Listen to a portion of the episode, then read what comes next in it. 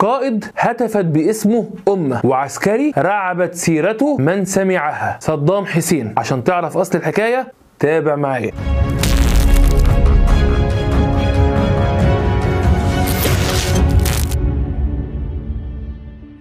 في 28 إبريل سنة 37 وفي قرية العوجة اللي جنب مدينة تكريت في محافظة صلاح الدين في العراق اتولد صدام حسين مجيد عبد الغفور. أبو صدام كان إنسان فقير بيشتغل بالزراعه وكعادة اللي ساكنين في منطقة العوجة ناس فقراء جدا. اتجوز حسين من صبحة ودي كانت قريبته وخلف منها ولد وبعديها بسنتين اتنين حملت في صدام. يجي الأب وهو واقف فوق سطوح بيته يبص على الجاره اللي قدامهم يلاقي حرامية داخلين عليها وفي صوت كبير عندها وبيتهجموا عليها وبشهامة ونخوه تتحسب له ينط من السطح بتاع بيته للسطح بتاع بيتها علشان ينقذها بس للأسف يقع وتتكسر رقبته ويموت في الحال علشان يتيتم صدام من قبل ما يجي الدنيا. وبعديها بثلاث شهور يتولد صدام حسين وهو يتيم الأب. وعلشان الفقر اللي هم عايشين فيه تتجوز صبح أمه واحد قريبهم كان اسمه إبراهيم الحسن وده كان بواب في مدرسة في تكريت وكان راجل قاسي وصلب بكل ما تحمل الكلمة من معنى. وأول ما صدام تم خمس سنين اخوه شقيقه من أبوه مات بمرض السرطان. وكان في التوقيت نفسه أمه خلفت من جوزها ثلاث إخوات لصدام من أمه وبدأ جوز أمه يوري له العذاب ألوان. الراجل كان قاسي جدا عليه. كان الضرب والجلد كلمة قليلة جدا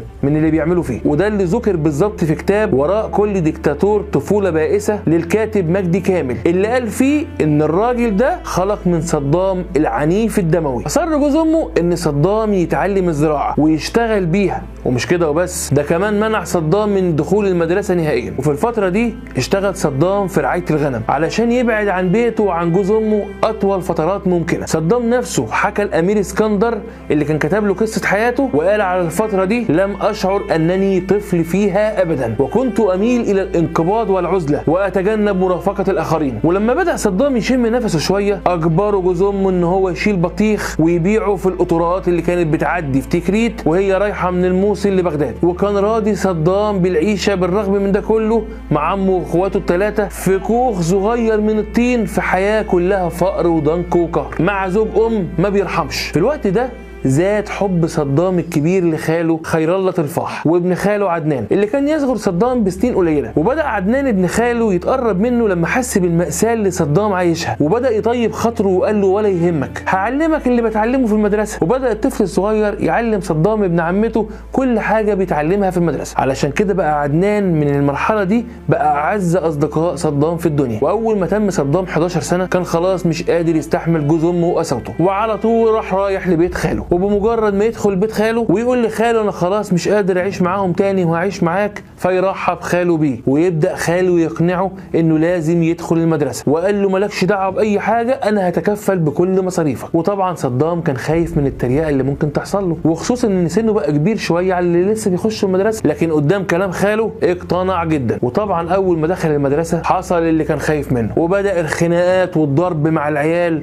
ومع المدرسين أحيانا. حياته مع جوز أمه شكلت منه طفل عنيف وكان دايما مكشر وحد النظرات. وفي سنة 55 حصل على الشهادة الابتدائية من تكريت. خال صدام اللي هو كان عايش عنده كان ضابط في الجيش العراقي وكان معروف عن خاله دون إن هو ثوري من القوميين العرب اللي متحمسين لقضية العروبة. وكان دايما صدام بيقعد مع خاله يسمع منه ويتعلم. ولما كان بيجي لخاله ظباط أو سياسيين يتكلموا مع بعض في السياسة كان بيخلي صدام يقعد معاهم بالرغم من سنه الصغير. وتبتدي تتشكل ميوله وأفكاره السياسية. وطبعا بسبب ميول خاله السياسية والثورية اترفد من الجيش. ويدخل خاله السجن بسبب أعمال العنف والمعارضة للنظام الملكي اللي كان ماسك العراق ويتحكم عليه بخمس سنين سجن. ويخرج خاله من السجن ويشتغل مدرس ويلاقي صدام على وعده ليه ومكمل تعليمه. ودخل المرحلة الثانوية مع ابنه عدنان. وفي فترة الخمسينات ومع وجود جمال عبد الناصر ساد الحس الثوري في جميع الدول العربية. وألهم عبد الناصر في كل الدول العربية روح الثورة لمحاربة الاستعمار والملكيه وعلى طول اعتبر صدام حسين جمال عبد الناصر قدوته في الدنيا ومصدر إلهامه. وفي سنة 56 وساعتها كان صدام عنده 19 سنة دخل صدام لحزب البحث المعارض. وفي التوقيت نفسه حاول إن هو يدخل أكاديمية بغداد العسكرية لكنه طبعا فشل. اولا مجموعة ما جابش درجات الأكاديمية. وثانيا بسبب ميوله الثورية. وكمان بسبب ميوله الثورية فشلوه في اختبارات القدرات اللي بتؤهله للدخول. فحس ساعتها صدام بالإهانة. وإنها كانت مدبرة. وخصوصا إن هو كان عارف إن لياقته البدنية تؤهله. ولو كان نجح كانوا ممكن يستثنوه من موضوع الدرجات. لكن تفشيله كان مقصود. وطبعا عشان العمل الحزبي ما بيأكلش عيش اشتغل صدام محصل في الأتوبيسات بتاعة النقل العام في العراق. بس حلمه كان كبير وكان متأكد إن المستقبل هيكون لصالحه. وفي آخر الخمسينات أصبح صدام عضو في منظمة الفتوة. إيه بقى الفتوة دي؟ كانت منظمة عسكرية اتشكلت في الأربعينات وبتهدف لتوحيد العرب. بس كانت منظمة ممكن تعمل أي حاجة تخرب تكسر تدمر المهم توصل لأهدافها. فطبعا عجبت صدام جدا المنظمة دي. وعلى طول صدام كان في مقدمة الأحداث. حياته العنيفة خلت قلبه ميت ولقى نفسه في المعارضة وخصوصا في منظمة الفتوة لأن كان أهدافها وميولها متوافقين معاه تماما. بدأ بزوغ نجم صدام في حزب البحث وبقى من الشباب المؤثرين جدا في الحزب. وبدأ يقرأ لكبار الباحثين ويتأثر بيهم. وبالأخص ميشيل عفلق. وتيجي تحصل جريمة قتل لأحد رجال السلطة في تكريت ويتهم صدام بالجريمة. ويتقبض عليه ويتم اعتقاله لمدة ست شهور. وفي التوقيت ده تحصل ثورة كبيرة في العراق من ضباط في الجيش وما كانوش في حزب البعث بقيادة عبد الكريم قاسم وينجحوا بالاطاحة بالملك ويتولى قاسم الحكم. وطبعا يخرج صدام من المعتقل مع المفرج عنهم سنة 59 ولأن عبد الكريم قاسم ما كانش من البعثيين فيتكتلوا كلهم ضده. ومش كده وبس ده كمان يتفقوا. وبقيادة صدام حسين على خطة لاغتياله. ويجي ساعة التنفيذ وقبل ساعة الصفر يتخانق صدام حسين. مع المجموعة اللي هتنفذ عملية الاغتيال. لأن كان الاتفاق إن الضرب هيبقى جماعي على الموكب بتاع عبد الكريم قاسم وهو صمم إن يبدأ بالضرب الأول. وساعه مرور الموكب يمسك صدام رشاشه ويضرب هو. وطبعا الحرس بتاع عبد الكريم قاسم ياخدوا بالهم من اللي بيحصل ويبدأوا هما كمان في تبادل إطلاق النار. ويتصدوا للمجموعة وتفشل محاولة الاغتيال بالكامل. ويهرب صدام حسين على تكريت بلده خوفا من انتقام عبد الكريم قاسم ورجالته. وبعد كده يهرب من العراق كلها. ويروح طالع على سوريا اللي فيها أصل حزب البعث ويقعد فيها ثلاث شهور ويقابل ميشيل عفلق اللي كان بيحبه وبيقرا له. وده طبعا كان من قيادات حزب البعث. واحتضن ميشيل عفلق صدام وحس فيه بروح الثورة والطموح ورقاه وخلاه من قيادات الحزب. وده لأن ميشيل عفلق كان مؤمن إن محاولة صدام حسين لاغتيال عبد الكريم قاسم كانت نابعة من روح وطنية. لأن عبد الكريم قاسم بمجرد ما مسك الحكم في العراق سلم مقدرات البلد كلها للشيوعيين وبالتالي يبقى صدام اللي عمله دون حاجة وطنيه من وجهة نظره. ونصح ميشيل عفلق صدام حسين إن لازم يروح مصر في أسرع وقت ممكن إنها تبقى أمان له من سوريا حتى. وفي 21 فبراير سنة 60 يجي صدام حسين على مصر. وبمجرد ما وصل لمصر سكن مع مجموعة من زمايله في حي الدقي وأصبح مسؤول عن الطلاب المنتميين لحزب البعث في مصر. أما في العراق فتم الحكم عليه في ديسمبر سنة 60 هو والمجموعة اللي شاركت في اغتيال عبد الكريم قاسم بالإعدام. وفي عام 61 قابل صدام حسين جمال عبد الناصر واللي قدم له بعض النصايح في العمل السياسي القومي زي ما قال صدام بنفسه. واستقر صدام حسين بالقاهرة. وانتسب لكلية الحقوق. واتجوز بنت خاله سجده خير الله تلفاح وفي 14 يوليو 63 يحصل انقلاب كبير في العراق لحزب البعث. على عبد الكريم قاسم وقتلوه. ويتولى عبد السلام عارف حكم العراق. ويسقط جميع الأحكام اللي كانت على المعارضة. فيسيب صدام حسين كلية الحقوق ومصر كلها ويرجع على العراق تاني. وحزب البعث كانوا طمعانين في الحكم. ويحصل خلاف كبير تاني بين حزب البعث وعبد السلام عارف. فيقوم عبد السلام عارف يعمل حمله اعتقالات كبيرة في العراق ويتقبض على صدام حسين ويدخل السجن تاني. ولكن عشان كان في صلة قرابة بين صدام حسين وأحمد حسن البكر وده كان رئيس الوزراء في العهد الجديد في العراق فخرج صدام من السجن ويسافر سنة 63 لسوريا تاني عشان يقابل ميشيل عفلق مرة تاني اللي نصحه المرة دي بالبقاء في سوريا علشان لو رجع للعراق هيتقبض عليه. لكن صدام رفض وبمجرد ما يرجع العراق يلاقي الأجهزة الأمنية لعبد السلام عارف اللي كانت حاطة عينيها عليه لأنهم كانوا عرفوا إن هو بيمثل أكبر خطر على النظام ويقبضوا عليه على طول. دخل زنزانة سجن انفرادي في مديرية الأمن في بغداد تحت الحراسة المشددة وتعرض لأقصى أنواع التعذيب والمهانه لكن تقديرا من قاده حزب البعث في العراق وسوريا لصمود صدام حسين تم تعيينه سنة 66 وهو لسه في السجن. أمير سر القيادات القطرية لحزب البعث. وده كان منصب كبير جدا ومهم في التوقيت ده. وفي 23 يوليو سنة 66 استغلوا خروجه لاحدى جلسات المحاكمة اللي كان بيتعرض ليها وانشغال القيادات في البلد بسماع خطبة جمال عبد الناصر لاحتفالات مصر بأعياد الثورة ونجحوا إن هم يهربوه في التوقيت نفسه. ورجع صدام تاني مطارد ومضطهد وبدأ تاني يفكر في قلب نظام الحكم في العراق. وفي التوقيت ده يموت الرئيس عبد السلام عارف اللي وقعت طياره الهليكوبتر بيه ويتولى أخوه عبد الرحمن عارف حكم العراق. ويحس أحمد حسن البكر وصدام وأعضاء الحزب إن المهمه بقت سهلة. وفي فجر 17 يوليو سنة 68 تيجي وحدات عسكرية من الدبابات ومعاهم مدنيين من حزب البعث ويقتحموا قصر الرئاسة ويكونوا بقيادة اللي قلبه ميت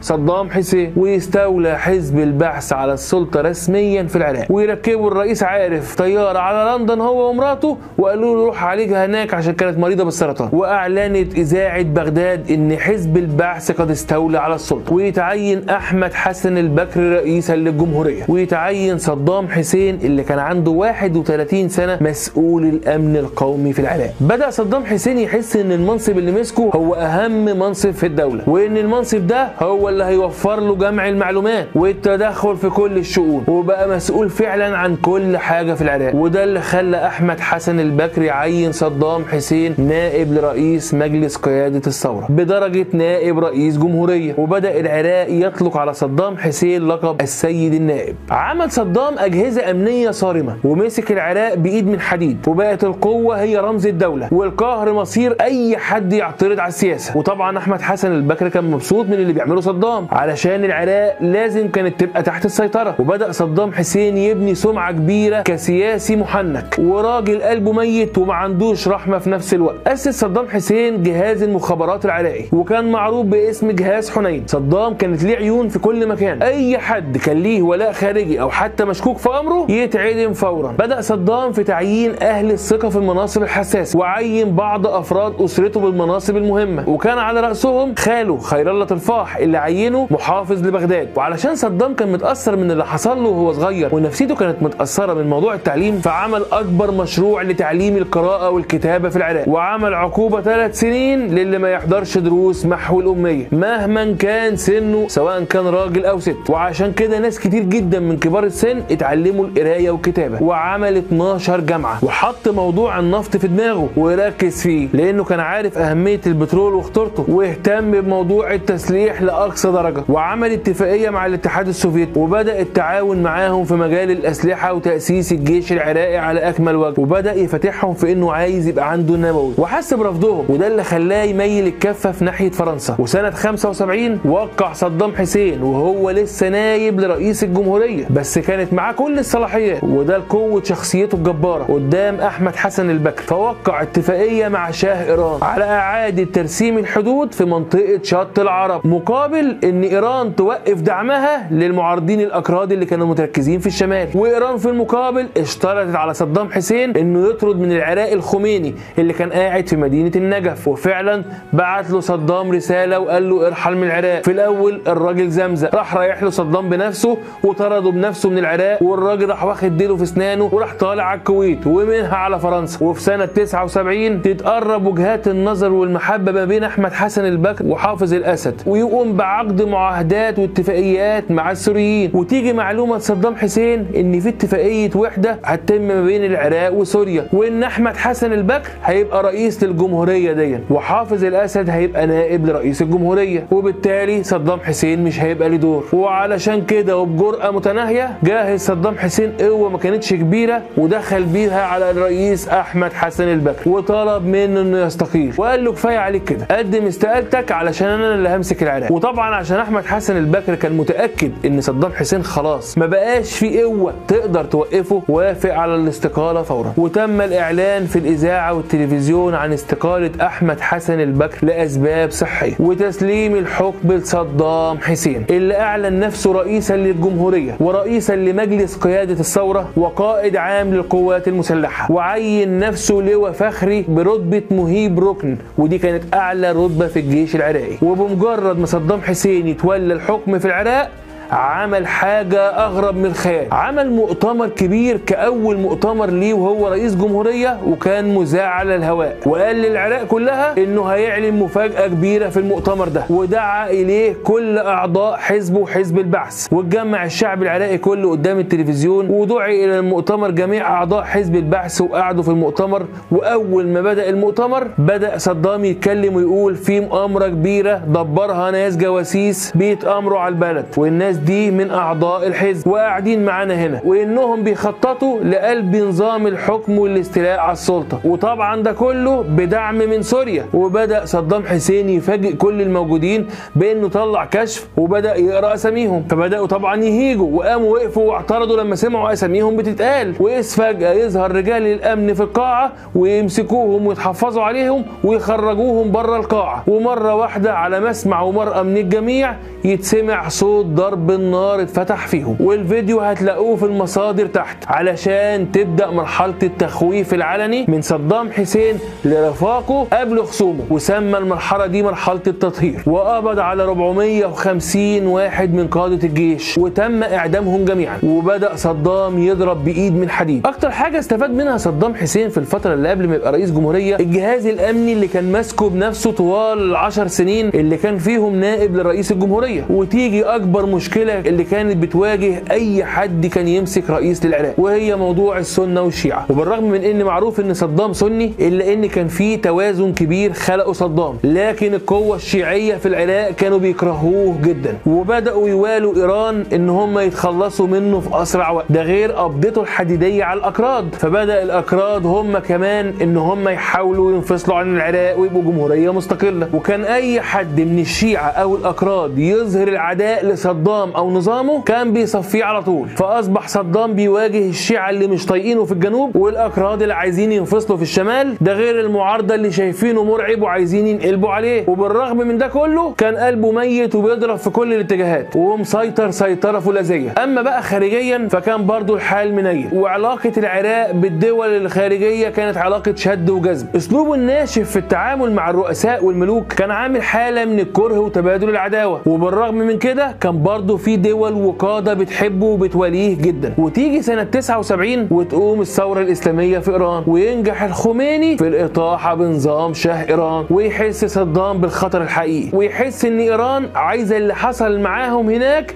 يحصل في العراق. وخصوصا إن كان متأكد إن الخميني مش هينسى طاره البايت اللي حصل فيه في العراق وهينتقم من صدام نفسه. وطبعا في التوقيت ده كان في عداوة وكراهية كبيرة ما بين أمريكا وإيران. وكان في توتر كبير في العلاقات بينهم. وده اللي خلى الرئيس الأمريكي ريجان يدي الضوء الأخضر لصدام في أي تعامل عسكري مع إيران. وتيجي سنة 80 وتحصل مناوشات بين العراق وإيران ويتم طرد السفراء من البلدين وتحصل اشتباكات عنيفة بينهم على الحدود. وهنا يحس صدام إن الفرصة جات له. ويقطع صدام حسين اتفاقية شط العرب ويعلن سيادة العراق على منطقة شط العرب بالكامل. وتقوم قايمة إيران بالقصف بالطيارات على بعض المدن العراقية. وترد العراق وتضرب مطار مهربات في إيران.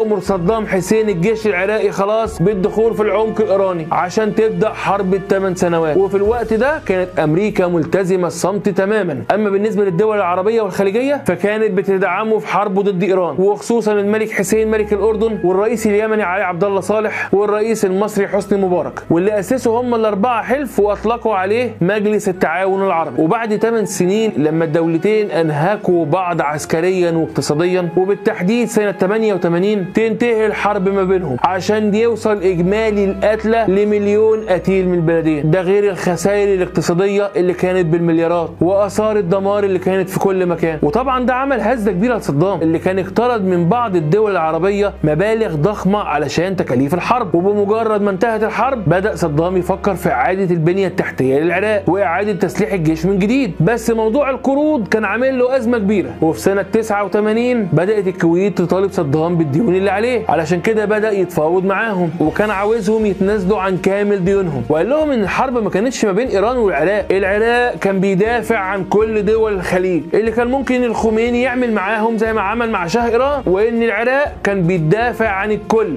بفلوسها وجيشها. ولازم الكويت تقدر ده وتتنازل عن كل ديونها. وده اللي قاله صدام حسين بنفسه للمحامي بتاعه خليل الدليمي. وبدأ يحكي له ويقول له بدأت الكويت تعترض على الكلام دون وقالت له لازم تسدد الدين اللي عليك. فقال لهم طب هطلب منكم طلب. قللوا إنتاجكم شوية من النفط علشان سعر البترول يرتفع وبالتالي أقدر أنا كمان أسدد الدين اللي عليا. فيقول صدام تقوم الكويت تزود الإنتاج المحلي من البترول وبالتالي السوق يتغرق والسعر بتاع البترول ينخفض. فقال لهم طب أجيب منين؟ سعر البترول عمال يقل عشان إنتاجكم زايد. فقال ترد الكويت عليا وتقول لي لا تنازل عن الدين. ويقول صدام تيجي معلومة لينا إن في شركة أمريكية قامت بالتعاقد مع الكويت في التنقيب على البترول واختاروا أراضي على الحدود العراقية الكويتية واستغلوا انشغال العراق بالحرب مع إيران وحفروا أبار بشكل مائل وقاموا بسرقة البترول من العراق وباعوا النفط ده للإيرانيين برخص التراب وغرقوا السوق العالمي بالبترول علشان يوقعوا اقتصاد العراق. أمريكا كانت عايزة توقع العراق بأي شكل وهنا يفكر صدام رسميا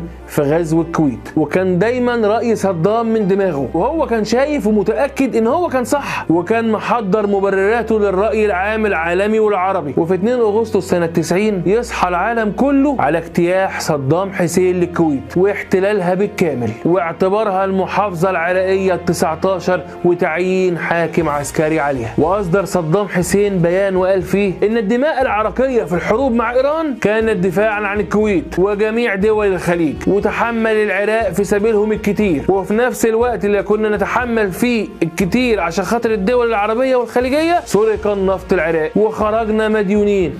وبدل من مساعدتنا دمروا اقتصادنا. وده كان تهديد صريح ومباشر مش للكويت بس ده لكل دول الخليج. وتنقلب الدنيا على صدام حسين والعراق. وتدخل أمريكا بقيادة بوش الأب في توليع الدنيا على العراق. أكتر ما كانت والعه ويتصل بيه جميع القادة العرب للتوسط وإنهاء الأزمة في حلول ودية وسلمية. وإن الكويت ليها السيادة على أرضها. إلا إن صدام يصمم على قراره. ويقول لن نتراجع عن الكويت. لأنها من الأساس اراضي عراقيه والحوض النفطي من الأساس عراق. وتعقد قمة عربية في القاهرة. ويتم التصويت بالأغلبية على تحالف عربي أمريكي لحرب صدام. لإجباره على الخروج من الكويت. وكل ده طبعا كوم وإيران هي كمان كوم تاني. لقيتها فرصة وزادت على العراق هي كمان. وفي الوقت نفسه قام مجلس الأمن بالموافقة على التحالف والحرب ضد صدام اللي اتعرفت باسم عاصفة الصحراء. وفي 28 فبراير 91 انتصر التحالف وانسحبت القوات العراقية من جميع أراضي الكويت. وده كان المسمار الأكبر في نعش صدام حسين ونظامه والموضوع ما انتهاش على كده. لا طبعا. مجلس الأمن اتخذ قرارات ضد العراق عمل عليها حصار اقتصادي وتدمير ترسانة صدام حسين من الأسلحة. وطبعا بوش الكبير اللي كانت أطماعة واضحة جدا فرض عقوبتين كمان على صدام. اعتبر منطقة الشمال اللي بيسكنها الأكراد ومنطقة الجنوب اللي بيسكنها الشيعة منطقتين حظر جوي. ويتبهدل العراقيين آخر بهدلة بسبب الحصار والفقر ونقص المواد الغذائية والأدوية والسلع الاستراتيجية. وطبعا تقوم ثورة على صدام في العراق بتحريض أمريكي خاصة في منطقة الشمال الكردية والجنوب الشيعية. ويستطيع صدام حسين ونظامه السيطرة على الموقف بالكامل لكن برضه تفضل البهدلة والفقر والحوجة مسيطرة على الشعب العراقي كله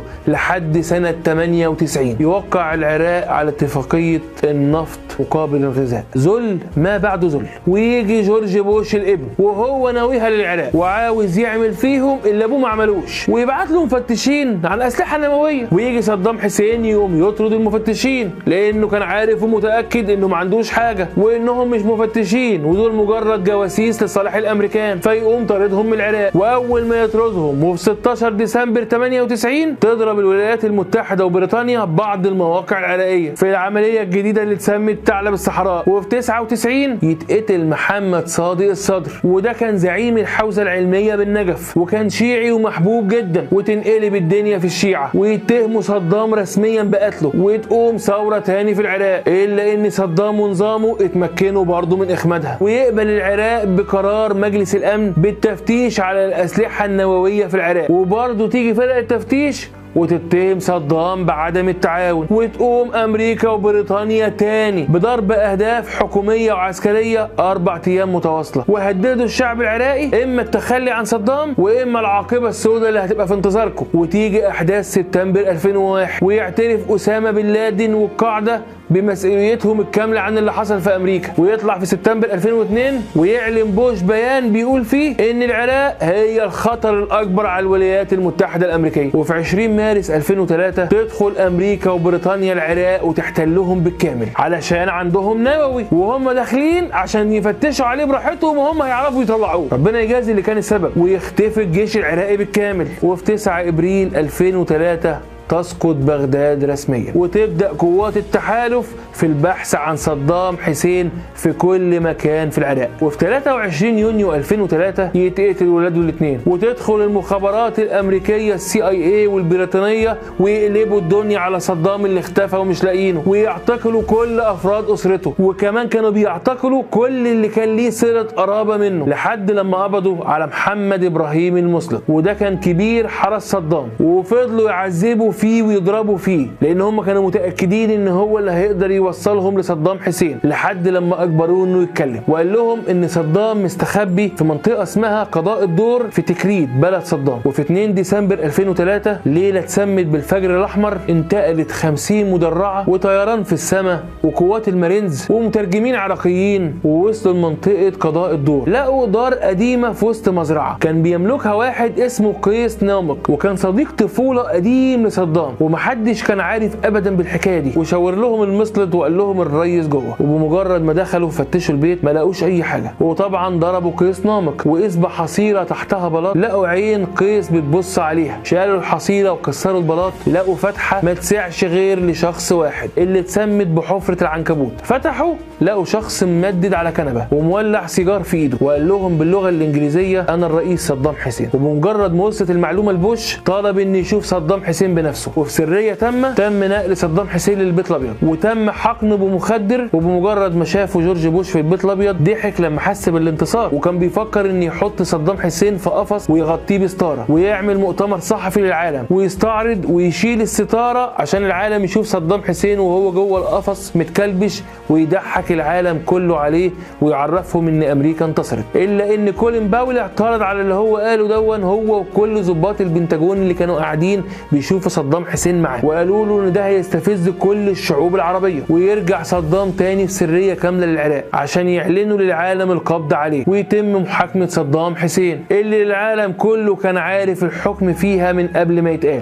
ويتعين خليل الدلمي محامي عن صدام. وبيحكي بنفسه بيقول ما شفتش في حياتي شخص قوي ثابت زي صدام حسين. ما كانش بيهاب الموت. بالعكس كلامه ونظراته كانت كلها قوة وسخرية. كان مؤمن بفكره لدرجة بعيدة. حبه للدنيا كان قليل جدا. كان على طول معاه مصحفه وكان بيتكلم معايا في كل حاجة ولا كأن في حاجة حصلت. واعترف لي اعترافات كتيرة. منها إن البيت اللي اتمسك فيه هو نفس البيت اللي استخبى فيه لما شارك في محاولة اغتيال عبد الكريم قاسم سنة 59 علشان كده كان دايما ده البيت اللي بيلجأ له وقت ما بيكون مخنوق أو زهقان أو عايز يستخبى من حاجة. وإن صدام بيقول له إنه متأكد إن محمد إبراهيم المسلط مش هو اللي بلغ عنه. وكان متأكد إن اللي بلغ عنه هو صديقه قيس نامق لأن صدام بيقول إنه في الأسبوع الأخير كان كل ما يبص على صاحبه يلاقيه سرحان وشارد الذهن. صدام حسين كان مسجون في زنزانة متر ونص في مترين علشان يقضي فيها 23 ساعة. وخليل الدلمي برضو كان بيقول إنه كان بيجمع العيش اللي بيتبقى منه علشان يرميه للطير في الساعة الوحيدة اللي كانوا بيخرجوه فيها علشان يقضي الأيام اللي فاضلة من حياته جوه التربة اللي كان محبوس فيها. وفي 5 نوفمبر 2006 تصدر المحكمة الجنائية حكمها على صدام حسين بالإعدام شنقا. عن جرائم تم ارتكابها ضد الشيعة والأكراد وفي يوم السبت 30 ديسمبر 2006 وده كان أول يوم العيد الكبير يجيبوا صدام حسين من محبسه. وكان في قمة قوته وما هزهوش الموت. ورفض إنه يحط الشاشة السوداء على رأسه لما شاف حبل المشنقة لدرجة خلت الحراس الأمريكان بنفسهم شهدوا زي ما نشرت جريدة الواشنطن بوست وقالوا أبهرنا صدام حسين بصموده لحظات الموت. وأخاف جلديه بنظرات عينه الثاقبة ويتنفذ حكم الإعدام أول يوم العيد الكبير في صدام حسين علشان يستاء جميع الدول العربية من اللي حصل دوت. وعلشان تنتهي مرحلة مهمة جدا من تاريخ العراق اللي حكمه صدام حسين لمدة 25 سنة. هتفضل في أيادي خبيثة هيكون هدفها الأول والأخير تدمير الوطن العربي. الأيادي دي الكل عارفها والكل عارف مين وراها. لكن من العجيب إنك تلاقي في ناس بتمشي وراهم وكأنهم مغيبين. الحال اللي وصلت له العراق وسوريا وكتير من دول الوطن العربي ما يخفاش على حد ولا اللي هم كانوا نفسهم فيه حصل ولا اللي اتوعدوا بيتنفذ. كل اللي حصل ضياع شعوبهم وأوطانهم وأصبحوا مشردين بلا مأوى. إيه اللي جرى للعرب؟ العرب كان طول عمرهم معاهم الريادة في العلوم والفنون والطب وحتى السياسة. إيه اللي جرى لنا؟ محدش سأل نفسه ابدا هو كل ده حصل كده مرة واحدة ليه؟ مش ممكن نكون كلنا مجرد أداة في إيد ناس بيستخدمونا عشان ندمر نفسنا من غير ما نحس. اللي حصل في العراق وسوريا وليبيا ما هو إلا ناقوس خطر. وصدام حسين أكيد كانت ليه اخطائه الكبيرة الكارثية. وسواء اتفقت معاه أو اختلفت هيفضل حاكم عربي حكم دولة كبيرة من أهم وأكبر الدول العربية. وهو دلوقتي مع الحق. وبنهاية حكم صدام حسين انتهى من التاريخ فصل. وبقت حكاية ومفيش حكاية ما كانش ليها أصل.